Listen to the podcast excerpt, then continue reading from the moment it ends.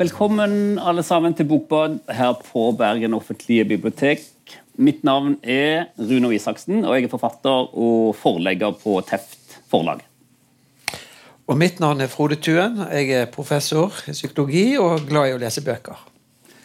Og hjertelig velkommen til deg, Iram Haq. Det er herlig å ha deg på besøk. Vi prøvde å få deg i vår, og nå lykkes vi endelig i høst. Tusen takk. Iram, du er kjent som eh, kanskje ganske mange ting. Skuespiller og regissør, filmregissør først av alt. Og veldig mange av oss her tipper jeg vil ha sett og aldri kommer til å glemme filmen 'Hva vil folk si?' Som handler om en 16 år gammel jente som på den ene siden lever et ganske vanlig liv som en norsk jente, og på den andre siden lever med, med mange lag av forventninger til en tradisjonell pakistansk familie. Eh, og Det var en film som innkasserte masse priser og har gjort det godt. Eh, men i fjor gjorde du noe helt nytt. Du ga ut en roman. Denne romanen her, 'Uelsket', heter den.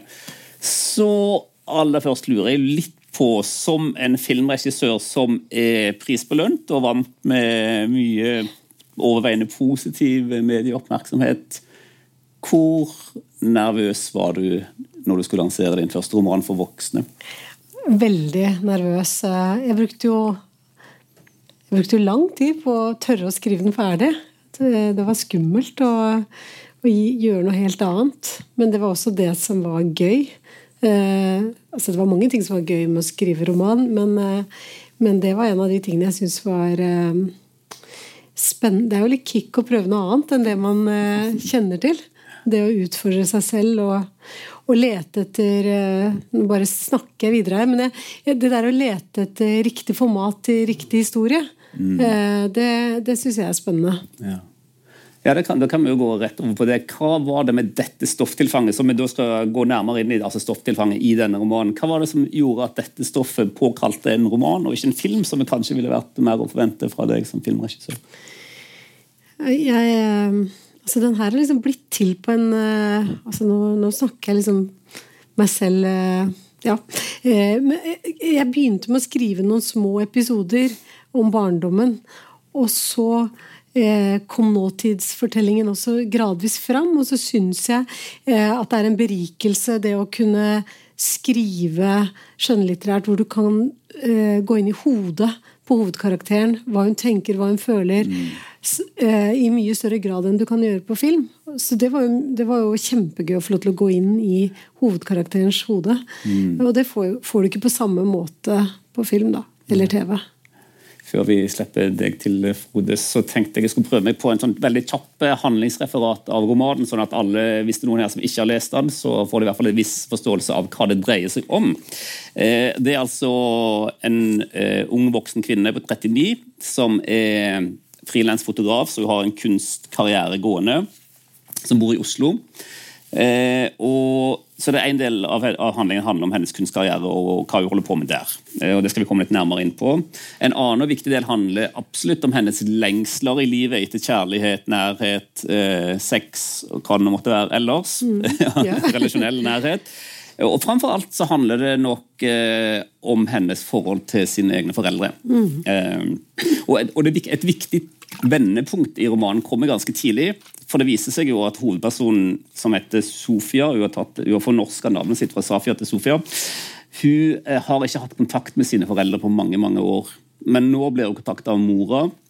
Eh, mora må ringe ganske mange ganger før hun svarer, mm. før hun eh, svarer på telefonen. Og det viser seg at faren er syk. Alvorlig syk med kreft.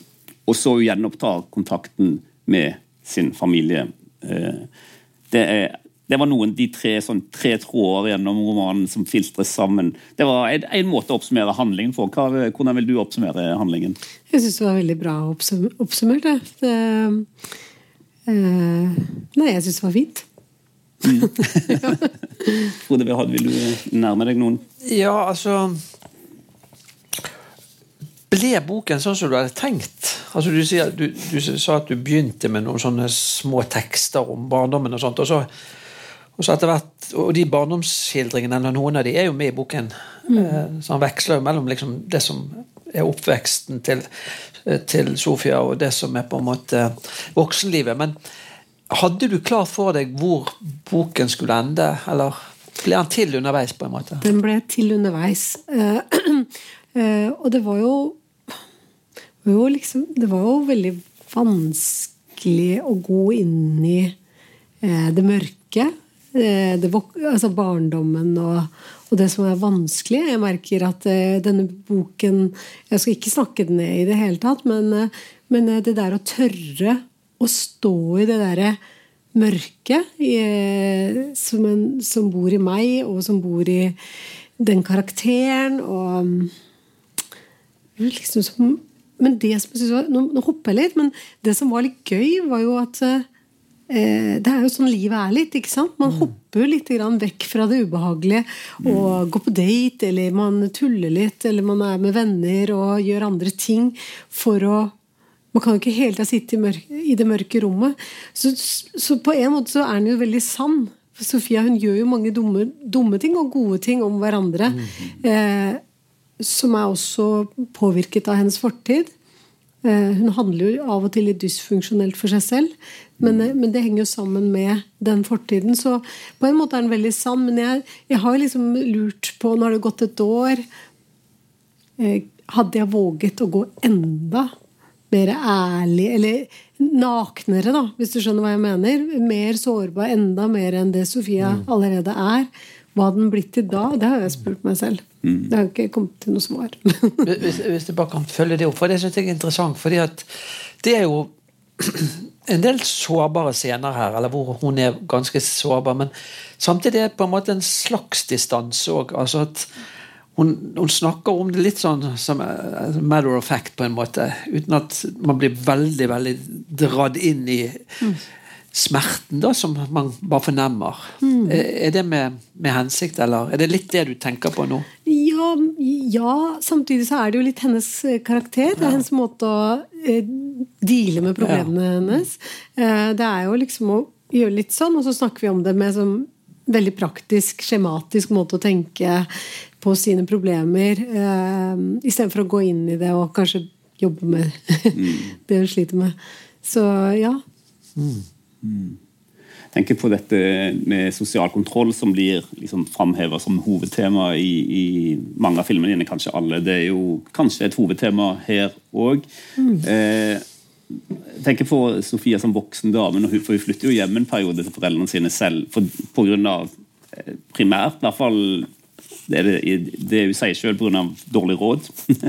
Men det er jo fordi at faren er syk, selvfølgelig. Men hun, eh, hun lar seg jo på sett og vis blir begrensa som voksne òg av sine foreldre. Mm. Hva tenker du om ja, det? Jeg syns det er litt interessant, fordi det er sånn Hvor mye kan du frigjøre deg fra familien din, fra oppveksten din, samtidig eh, delta mm. eh, i den familien? Er det, er det, mulig, eh, er det mulig, å få plass eh, som deg, og, og så samtidig som ja, du har frigjort deg, du, har, du, lever et helt annet liv. Et vestlig liv, et norsk liv. Og så skal du flytte hjem og leve i dette hjemmet her. Og i dette hjemmet fins det noen regler som hun kjenner godt. Og, og, hvis hun skal være der, så kan hun ikke eh, være seg selv helt. Mm. At hun, jeg syns det er så spennende for meg selv å tenke tanken. Da. Jeg flytta jo for lenge siden ut mm. mm. fra familien min, men det å tanken på å flytte hjem igjen. Hvordan ville jeg vært da? Mm. Hva ville det livet vært? Så det, det var jo en spennende tanke. Ja. Men det er jo også litt sånn Jeg, jeg lurer jo liksom på hvor fri kan man bli eh, fra familie? Mm. Ja, og du har jo gjort noe som de færreste her vil jeg anta har gjort, nemlig som du var inne på, du, du flytta hjemmefra når du var veldig ung, som tenåring. 16-åring. Mm. Altså 14. 14. Mm. Ikke bare for å gå på skole men virkelig for, eh, som et brudd med familien.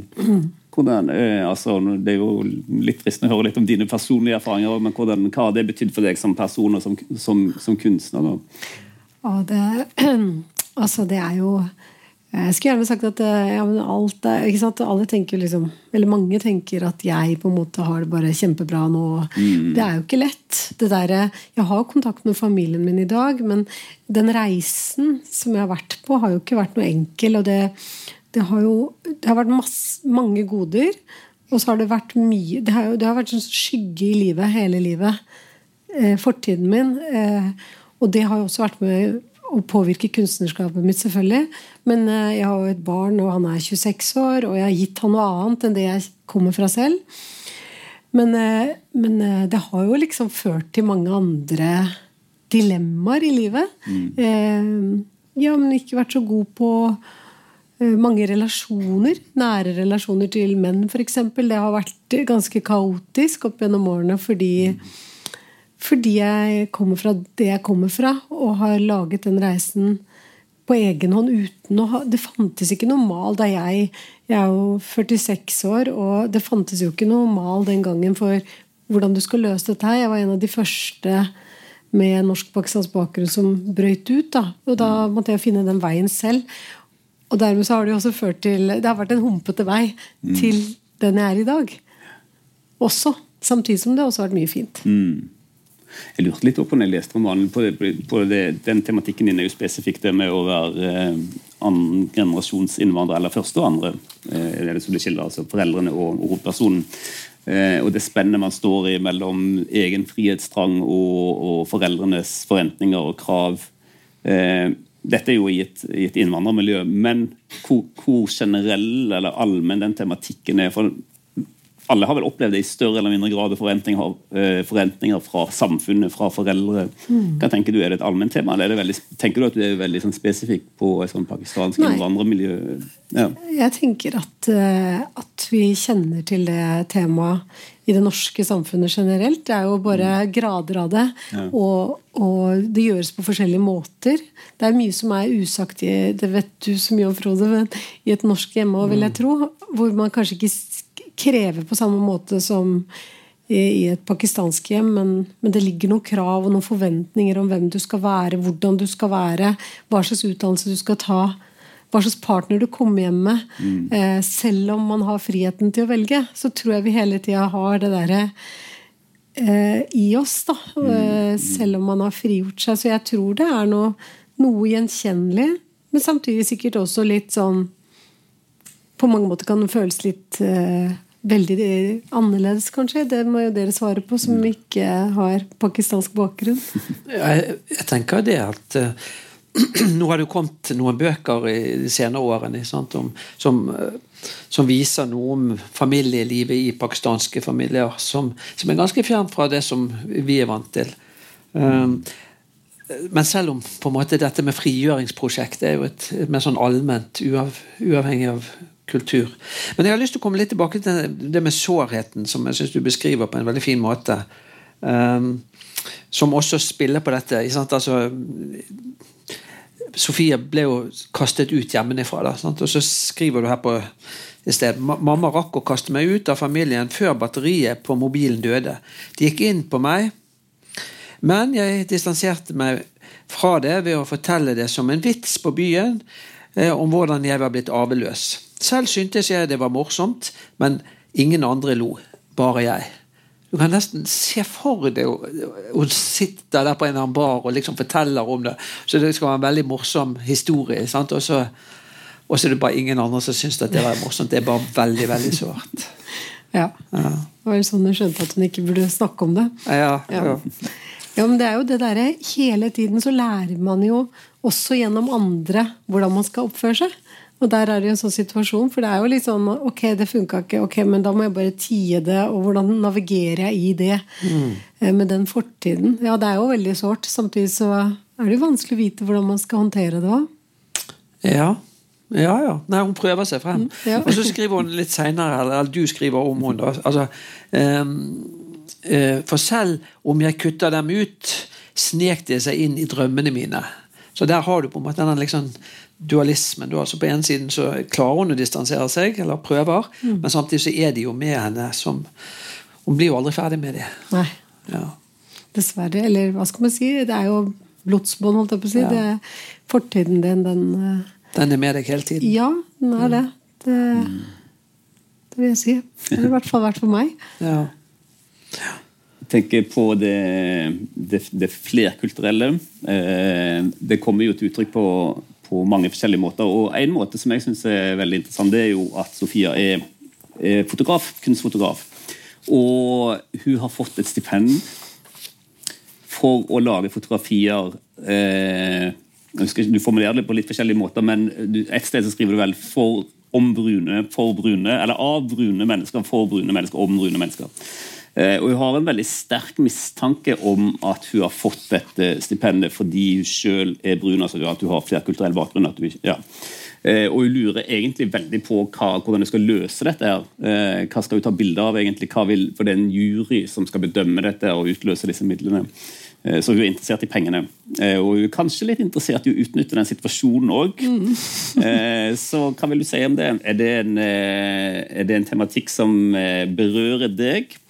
Ja, jeg syns det, det er liksom bildet på tiden vi lever i. ikke sant? Det er jo det der med at nå, nå er det penger til å lage noe, men for for jeg, f.eks., eller kanskje en som har enda mindre erfaring, som er brun. Eh, penger til å lage noe om noe helt Noe som ikke har noe med sin bakgrunn å gjøre, med sin ja, minoritetsbakgrunn. Vil man få penger da? Og det er jo det Sofie lurer på, for hun har jo ikke gjort så mye ennå eh, til å kunne bevise nok. Og dermed så men så vet hun at det fins en mulighet der ute som, som gir henne midler Eh, samtidig så er det jo litt trist, fordi da blir man jo putta i den båsen. Man skal mm. være Man skal kun lage kunst om brune. Mm. Og så blir det politisk, ikke sant? Og på mange måter så er jo denne boka kanskje litt eh, Samsvarer ikke helt med hva folk forventer av meg. De forventer noe enda mer politisk. Og så kommer den her som en sånn Ok, men dette var mye, mye seksualitet her, og mm. Altså, det er jo eh, ja, men jeg får jo litt lyst til å bryte litt opp. Og så la oss se på hva holder vi på med. Kan man ikke få penger som eh, filmskaper eller maler eller forfatter som, om, som, er brun og skriver om noe helt annet? Mm. Og det, det, er litt det jeg egentlig mm. både jeg tenker om det temaet. da. Ja, og Det er jo et tema som indirekte blir det òg tematisert i romanen. For hun løser jo det, Vi skal jo ikke gå inn i alle og røpe alt, alle handlingstråder, men at familien og fotografjobben hennes fletter sammen, og at hun løser det på en måte som vi kanskje er litt overraska og imponert over sjøl mot slutten. I hvert fall ikke som ja, Gjør det i hvert fall på sin måte. Ja. ja sånn at det blir en fin eh, sammenbinding om det. Men det å være kunstner også er jo i seg sjøl et tema. Eh, helt uavhengig av om man er flerkulturell eller ikke. Mm.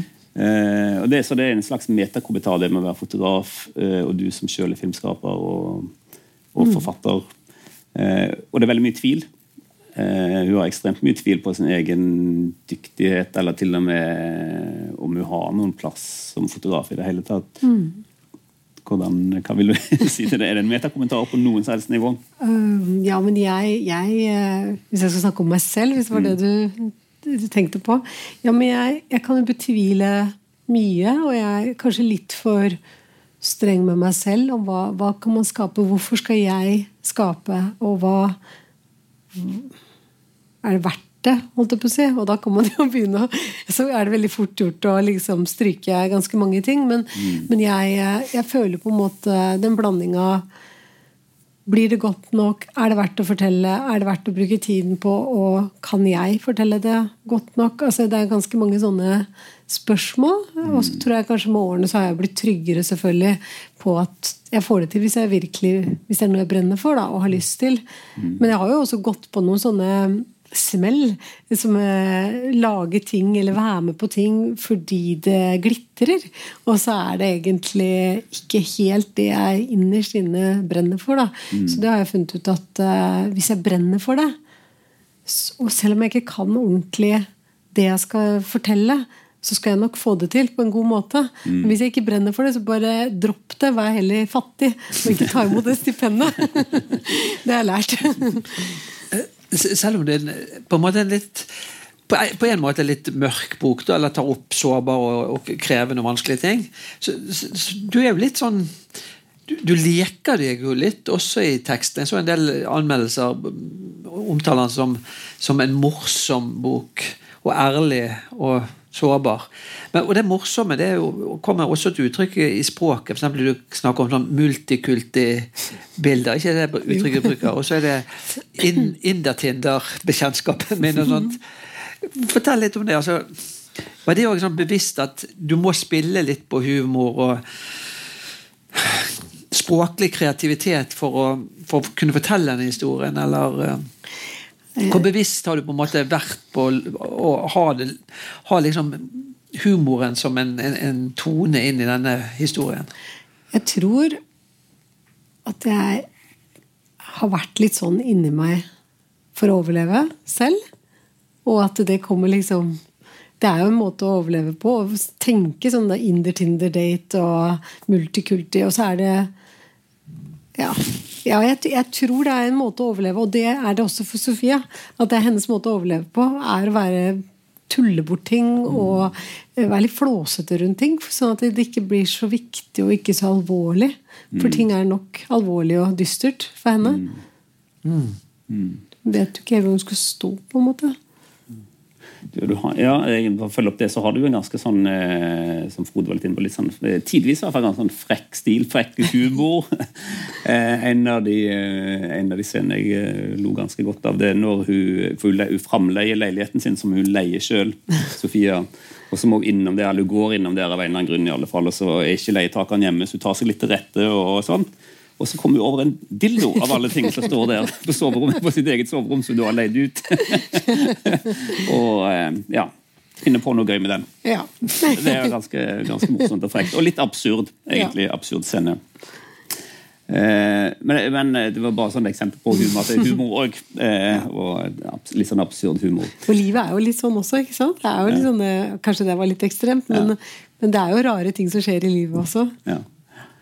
Men jeg tenker på, på dette med, med dramaturgi eh, i denne romanen versus film. Eh, du har jo en stil så, altså Det er jo en tydelig handling, den romanen, men den er også ganske sånn eh, fabulerende. Fordi, som du var inne på helt i begynnelsen, at vi er inne i hovedpersonens hode. Så det er hennes tanker vi følger til en veldig stor grad. Så du kan begynne på et tema, så kan det gå noen sider hvor hun fabulerer rundt dette temaet, og, og det tar deg hit og dit.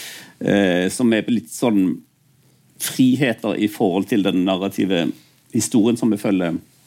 Eh, og Det kan du ikke tillate deg sikkert i like stor grad i et filmmanus. Så hvordan, hvordan, er det å, å, å, bevege deg mellom disse kunstformene? Hva er fordelene med, er fordelene med å, å, skrive en roman? for å si Det sånn? Altså, det er jo en gave. Det er jo friheten til å kunne på en måte ikke tenke på penger. Altså det er jo, du kan jo finne på alt mulig merkelige ting som skjer i historien. Når du gjør film, så må du liksom tenke det der kommer til å koste 100 000. Det koster en million.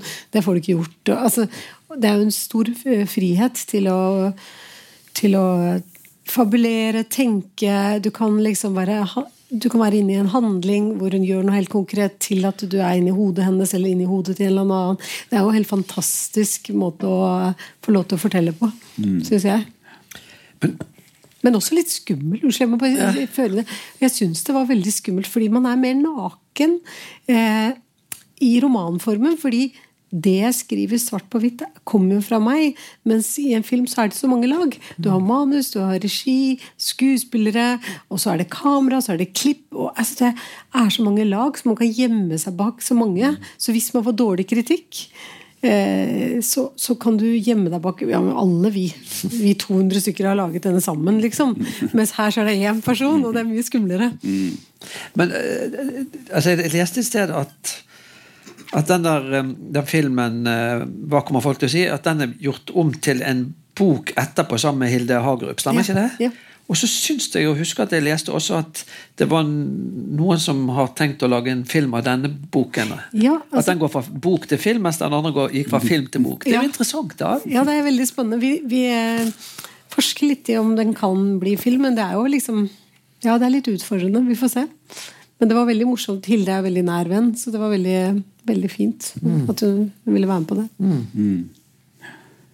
Det er òg noen eh, altså det, er jo, det er jo, en, en, en roman med eksistensielle temaer og drømmer. Eh, ambisjoner og drømmer tenker jeg er et av hovedtemaene synes jeg i hvert fall, når det gjelder Sofias eh, utvikling. Eh, og Sofia hun drømmer om mange ting, bl.a. å være fri til å gjøre hva hun vil. Eh, bli likt og respektert Eh, et liv som har mening. så Jeg nå bare, jeg vil sitere litt av de tingene jeg, jeg har notert meg underveis. Og så er det en, um, en person som ikke har nevnt foreløpig, nemlig Hun har jo egentlig ikke så veldig Kanskje så veldig rikt vennskapsliv, kanskje. I hvert fall ikke det synlige i denne romanen. Men hun har en venninne som heter Linda, og så har hun mange elskere som vi møter etter hvert. Mm. eh, og denne Linda, den venninnerelasjonen, der er det jo Der er jo ganske, skal man si Litt sånn tafatt på en måte, litt unnvikende, eh, kanskje fordi hun er redd for å miste henne som venninne. Men det er en utvikling der. Hva, vil du kommentere litt den relasjonen? For det var litt, Ja. eh, ganske interessant, egentlig. Ja, jeg tenker at eh, hun der, eh, i den relasjonen, som er også litt sånn absurd, men så kommer det jo liksom fram hvem Sofie er, hva hun kommer fra. Fordi hun kan ikke sette grenser. Hun kommer fra et hjem hvor hun, hennes grenser har blitt øh, overkjørt. Og når Linda er jo ganske grenseløs til tider. Og så klarer ikke Sofia å si fra. Istedenfor så blir hun tråkka på gjentatte ganger. Da. Så det er jo litt det den, det speiler. Og, hvordan være i relasjon til andre mennesker eh, med den bakgrunnen, selv om det er frigjort. Så det er igjen, da, hvor frigjort er du egentlig? Men det, men det er sånn personlighetstrekk ved henne, da, som om det er kultur eller det er personligheten. ikke så godt å si, Men altså, hun er det vi vil kalle eager to please. altså Hun, mm, hun vil vil hele tiden uh, komme folk i møte. ikke sant? Um, for eksempel eh, når hun har da sex med skal jeg ha den der Birk, er det vel? eller noe sånt? Eller, nei, ikke Kirk heter han vel noe sånt? Dirk. eh, ja. Jeg lar han ta på meg selv om jeg blir kvalm, for det er lenge til neste gang noen kommer til å ta på meg. Bedre enn ingenting. Kvalmen går over. Vi har sex. Så og på en måte, det er den grenseløsheten, eller at hun virkelig da ja. utsletter seg selv på mange måter. da. Ja, veldig. Og, og ensomheten i den scenen så handler det jo også om ensomhet. Jeg er så alene. Samme med Linda. Jeg har ikke så mange. Så de få jeg får de av venner og sex eller kjærlighet eller hva enn det skulle være, er hun villig til å ivareta og gå langt over sine egne grenser og behov for å ja, for å liksom ikke stå igjen alene og føle seg avvist. da. Så er hun villig til å gå for langt. Ja, Det er jo lignende relasjon med han eh, eh, Edvard, som er en eh, musiker, berømt musiker som kommer til Oslo, som hun har truffet tidligere i, i livet. Eh, som jeg følger deres eh, vandringer gjennom Oslo over en del sider. Eh, Ja, det er jo òg litt sånn hun har vanskelig for å sette grenser for seg sjøl. Ja. Ja. Så det blir jo liksom Hun blir jo på en måte litt sånn uattraktiv òg, fordi hun klarer ikke å sette grenser. Så hun blir liksom en som bare pleaser og ikke vet Vi vet ikke bedre. Vi har ikke de verktøyene inne for å passe på seg selv. Apropos det med å vandre i Oslo. altså Noen sekvenser der, eller perioder av boken så går jo mye sånn vindusshopper og litt sånn hvileløst rundt. sant? Og så er hun jo da en, en eh, kunstner som Hvis prosjekt er jo egentlig å skaffe seg eh, inntekt. Sant? Og eh, av og til så får jeg litt sånn assosiasjoner til sult. Han, den navnløse som går rundt eh, hvileløst i byen, og han trenger penger til å eller skrive disse her, eh, artiklene som han kan få penger for.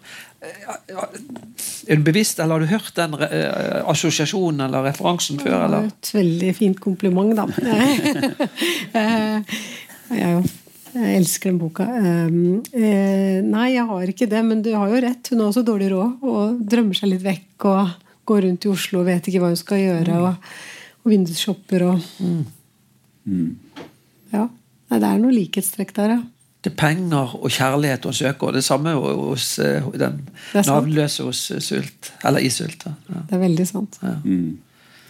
Apropos referanser, så er det vel eh, Jeg lurte litt på hvor viktig den referansen er. Men det er, en del, det er noen referanser til Ibsen.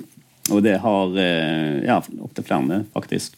Er det Og så hyggelig. Nå er det jo godt Ja, selskap. da er jeg veldig godt selskap. Dette var veldig hyggelig. Ibsen og Hamsun og ja. hvordan havna, Hvorfor og hvordan havna Ibsen inn i dette romanmanuset? Jeg har faktisk ikke tenkt tanken engang, verken på Ibsen eller Hamsun. De er, de er så fantastiske. Um, nei, men det er jo det, Jeg kan jo se likhetstrekkene der òg, med tanke på kvinner som skal frigjøre seg, og så er likevel fanget. Det, det er jo flere av det. Uh, ja, flere av tingene til Ibsen. som har, er innom de temaene. Og det er jo Sofia òg, og det er uh, Ja, så det er jo likt her. Jeg tenkte på, på hva du har med deg inn i, i, i romanen. Altså Du har skrevet en, en barneroman før? Barnebok, ungdom, ja, ungdom. Mm. Ja. mm. Men dette er første roman for voksne, i alle fall. Eh, og du debuterer sånn sett som en voksen, ung voksen dame. Eh, hva, hva er det du har med deg fra filmmediet som altså Er det noe du har med deg fra filmmediet som, fra, fra din bakgrunn som regissør og manusforfatter som gjør at du har noe spesielt som romanforfatter, tror du? Da må jeg nesten spørre deg. Kan du se noen forskjell fra vanlige romanforfattere og filmskapere? i den? Fordi det vet jeg ikke. Jeg bruker jo bare det jeg eh, Hvem jeg er, på en måte, både i filmen og Forskjellen er jo at det er jo mye mer Ja. Det er jo på en måte én til én, holdt jeg på å si. Det jeg tenker og det jeg skriver ned. Også ikke én til én sånn, men mer enn filmmanus som er litt mer teknisk, da. Ja. Så jeg føler kanskje ikke at det er så teknisk. Det er jo det jeg har til felles, er jo temaene som jeg er inne på. Der, der er det noe likhet. Og mm. så kanskje dramaturgi. Men det er jo ikke så stram dramaturgi her som filmen. Nei, Vi var litt inne på det, for jeg tenker jo at eh, det, det er gjerne ikke så lett å se at du kommer fra filmmediet, egentlig. For kanskje, Jeg ville kanskje venta mer dialog, f.eks. Ja. Eh, som er jo vanligvis en driver i film. Eh, og kanskje mer sånn eh, ja, men Krysskutting har du en del av. altså du kutter, det, er, det er ganske finurlig at det foregår ting parallelt. Ja, at, du kanskje- med, at du snakker med Og kanskje har en veldig nær samtale med faren samtidig som du er på Tinder med en eh, fyr som driver date. og at det er sånn kryssklipping som kan være ganske morsomt og sårt. og ja, det er kanskje litt sånn filmisk mm. Ja. uten å Det bruker man jo litt på Ja, ja. film uten at jeg har tenkt over det, men ja. Men du skal, eh, du skal videre og gjøre eh, et stort arbeid når det gjelder film videre Ja. fremover, har vi hørt rykter om. Ja. Vil du fortelle litt om det? Ja, jeg er i sånn skrivefase hvor jeg skriver for NRK en eh, TV-serie eh, som er på ja, seks episoder om Seks-syv, vet ikke helt ennå. Eh, som eh, heter 'Fremmedarbeiderne'. Eh, hvor det er da pakistanerne kom til Norge på 70-tallet, til de går i grava i Norge. Og så er det hvem var vi, hvem ble vi, og hvorfor ble vi som vi ble. Og så er det da foreldregenerasjon, så er det min generasjon, eh, andre generasjon, og så er det tredje generasjon. Så har man liksom tre fortellinger som er sydd sammen. Så ser man også liksom forskjellene og konfliktene i familie. Så du følger hovedsakelig én familie, da, så er det andre rundt, selvfølgelig. Så det jobber jeg med nå. Mm. For dette kan bli den store norske serien om eh, arbeidsinnvandring. Ja. Ja. Det er i hvert fall veldig spennende, og det er jo litt av det, de temaene jeg er interessert i. Hvorfor er vi som vi er, og hvem, hva blir, hvor er forskjellene i generasjonene, og hva tar vi med oss videre? Og vi er da tre generasjoner, så lurer jeg jo veldig ofte på eh, ja, hvordan pappa var, og hvordan sønnen min er. Hvor forskjellige de to er. Og hva har de til felles? Det er litt spennende. Og den reisen i Norge i løpet av de 50 årene. Ja. Hva som har skjedd. Når vil vi se dette på NRK? Altså, vi er under utvikling, så jeg vet ikke helt. Men kanskje, hvis jeg er heldig, 2025. Det tar jo tid, Ja. det hele. Det skal jo skrives ferdig, og så skal det filmes og klippes, og så er det sendetid. Og, ja. Mm. Jeg lurer på om jeg skal gå tilbake til litt mer om, de relasjonene i romanen. Mm. for det som, eh, Noe som slo meg, i hvert fall, det var at eh, Og det gjelder òg ikke minst Hva vil folk si? filmen. Eh, eh, kanskje filmen, to ord om filmen først. for det er jo selvfølgelig sånn at De aller aller fleste som ser den filmen, hva vil folk si, vil ha sympati for den hovedpersonen som en jente på 16 år som ble utsatt for ganske heftige ting og ble sendt til Pakistan, eh, blant annet. Eh, og blir innskrenka det, det er jo sosial kontroll på ja. Eh, og mye av det samme finner vi i denne romanen, og mye av det samme vet vi finnes i, i din personlige biografi. eh, men noe av det fine med, med, med filmen er jo at du mange, altså vi, vi er i stand til å se faren òg.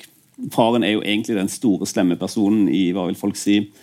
Eh, men du skildrer han så menneskelig at det, selv om vi ser at, han, at det er overgrep mot Artan, så klarer vi på en måte å se hans han som person og hans bakgrunn og hvorfor han er sånn. Så det er mulig å anlegge en slags forståelse av han som person. Eh, sånn at det ikke er noe svart-hvitt. Eh, og det er, det er, jo sterkt og vakkert og tenker kunstnerisk eh, veldig flott. Å, så hyggelig. og, og, Det samme gjelder jo i veldig stor grad denne romanen. Det var det det skulle føre meg over til. At Faren her også er jo òg en person som har vært veldig voldelig eh, i oppveksten. Og mora også har vært voldelig fysisk òg. Ikke bare mentalt begrenset, men òg fysisk voldelig. Men her òg i denne romanen også, så er det jo nå når Sofia er voksen, 39 år, og kommer tilbake og har noen samtaler med faren, så er det jo en nærhet og en ømhet òg, mm. samtidig som det er all denne sårheten. Ligger der, ja. ja. Mm. Hva vil du ja, altså, bare for å si noe om hva vil folk si og denne pappaen. For meg var det veldig viktig å klare å portrettere noe annet enn det man ser på, på forsida av VG. Og prøve å forstå hva han kommer fra, hvorfor han er som han er. Og, og at han elsker denne datteren, men han, han, kan ikke bedre. Han har ikke et annet språk. Han er også pressa av sosial kontroll og mm. forventninger til hvem han skal være som far i huset. Mm. Så, så, det var viktig for meg å kunne formidle den siden. Og har, jeg har jo brukt veldig mye krefter på å forstå min egen far. Og det er jo det man kanskje ser i 'Uelsket' og i Hva vil folk si? Prøve å forstå hvorfor var du så slem? Mm. Hva var det som hva var det som førte til at du ble så slem mot meg, men samtidig passe på min fortelling om at det var ikke ålreit. og, det, mm. eh, og det, det, føler jeg også at hun eh, Sofia eh, holder litt på med også, kanskje. Mm. Ja, jeg, jeg, tenkte å kommentere litt på det. for det at uh, Mot slutten sånn, Hun blir jo mer og mer forsonlig til, til faren. Da. Så skriver, skriver, du noe sånt altså Hun, hun tenker da uh, Var det sinne eller var det frykt for egen smerte alle gangene han klikka i oppveksten min? Hadde jeg forstått det som frykt, hadde jeg ikke blitt så redd og pisset på meg hver gang han ristet, reiste seg opp og så truende eh, ut med fjernkontrollen pekende mot meg, bannende, bannet med forakt i stemmen mens munnen var innbitt og øynene så smale at jeg ikke kunne lese hvor jeg hadde han lenger. Og mm. Plutselig begynner hun å se liksom, eller etter hvert så begynner hun å se at kanskje var det noen frykt eller en sårbarhet under alt det sinnet og mm. voldelige tendensen som han hadde hatt. da. Ja, virkelig. Og det er jo liksom det der å bli voksen, så ser du plutselig foreldrene dine med andre briller.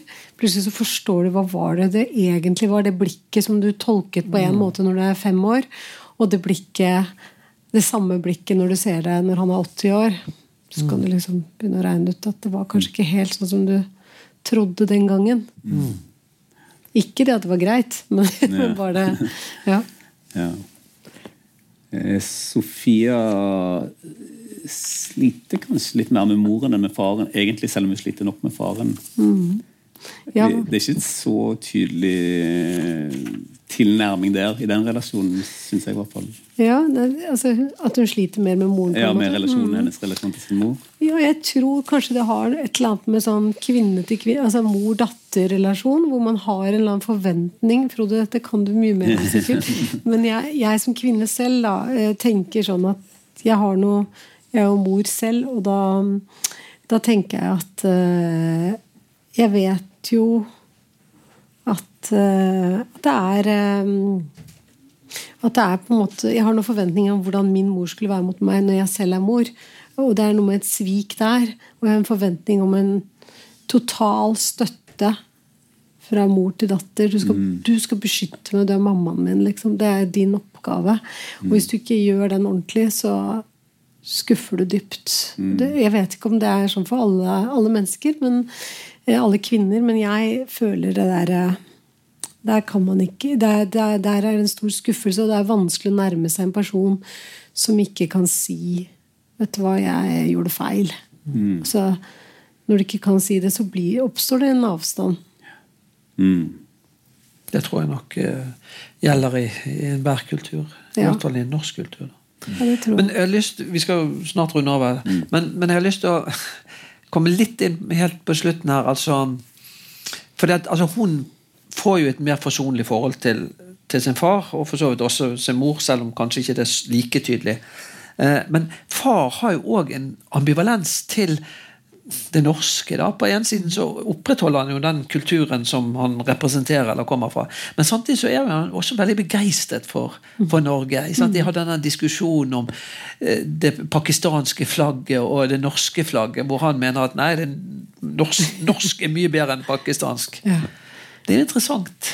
Ja, altså jeg tror Hvis jeg skulle liksom snakke om min far, da, så var det jo altså det store valget de tok med å flytte til Norge. Da, da ble det jo veldig sånn Vi elsker Norge. Norge er best. og Her skal vi være. Dette, dette er et fantastisk sted å være. Og så ble det jo også veldig skummelt da, med barna som skulle liksom bli en del av det norske samfunnet. Det hadde de jo ikke regna ut hvordan dette skulle fungere. De selv klarte jo ikke helt å integrere seg. Ikke hadde de tid til det heller. De var jo alltid på jobb. Og så, skal liksom, så går barna eh, inn og finner seg norske kjærester eller lever, mer, lever annerledes da, og fremmed. Og da det blir truende. Og da får man jo forakt. Og så har de kanskje opplevd rasisme i tillegg. Mm. Kanskje vi skal ta et aller siste spørsmål. Eh, hvis du skulle ikke oppsummere akkurat, men hvis jeg stiller deg spørsmålet, hva, hva, vil du si er ambisjonene dine med denne romanen? Hva, skal, hva, ønsker du at leseren skal sitte igjen med om noe spesielt? Nei, men, uh, Godt spørsmål. Hva ønsker jeg folk skal sitte igjen med? Jeg håper at det, det kan være en um, det kan være en uh, opplevelse hvor man Godt spørsmål. Uh, hvordan, hvordan, folk kan ha det. Altså, man, vi vil dømme folk ut ifra hva vi ser, men at man kan også liksom se en person for mer enn det den er. Da. At du får litt dypere innblikk i at mennesker er ikke bare det du ser, det er mye mer som foregår under. Mm. Det var ja. Veldig kort. ja, nei, men Fint. å la med de ordene være siste ord for akkurat nå. Eh, vi runder av, så, men merk at dette arrangementet er en del av en serie eh, som eh, Frode Thun og jeg har her på biblioteket. Hvor vi inviterer aktuelle forfattere inn til samtale om kjærlighet og moderne familierelasjoner og litteratur og virkelighet. Eh, og neste møte blir i sannsynligvis 17. november, men det, det skal vi komme tilbake til. Eh, følg med på, som dere sikkert allerede har gjort, eh, biblioteket sine hjemmesider og, Facebook, så får dere eh, informasjon om hva som blir neste dato. Tusen takk til, til Bergen offentlige bibliotek som alltid, som stiller lokaler til rådighet og som, som, tar opp dette, så det kommer som en del av deres podkastserier òg. takk til deg, Frode. Takk til alle dere som er her. Og selvfølgelig framfor alt tusen takk til deg, Iram Hak, for at du har vært med oss her. og ja, Det har vært veldig hyggelig og lærerikt. Veldig hyggelig å få komme. Tusen takk.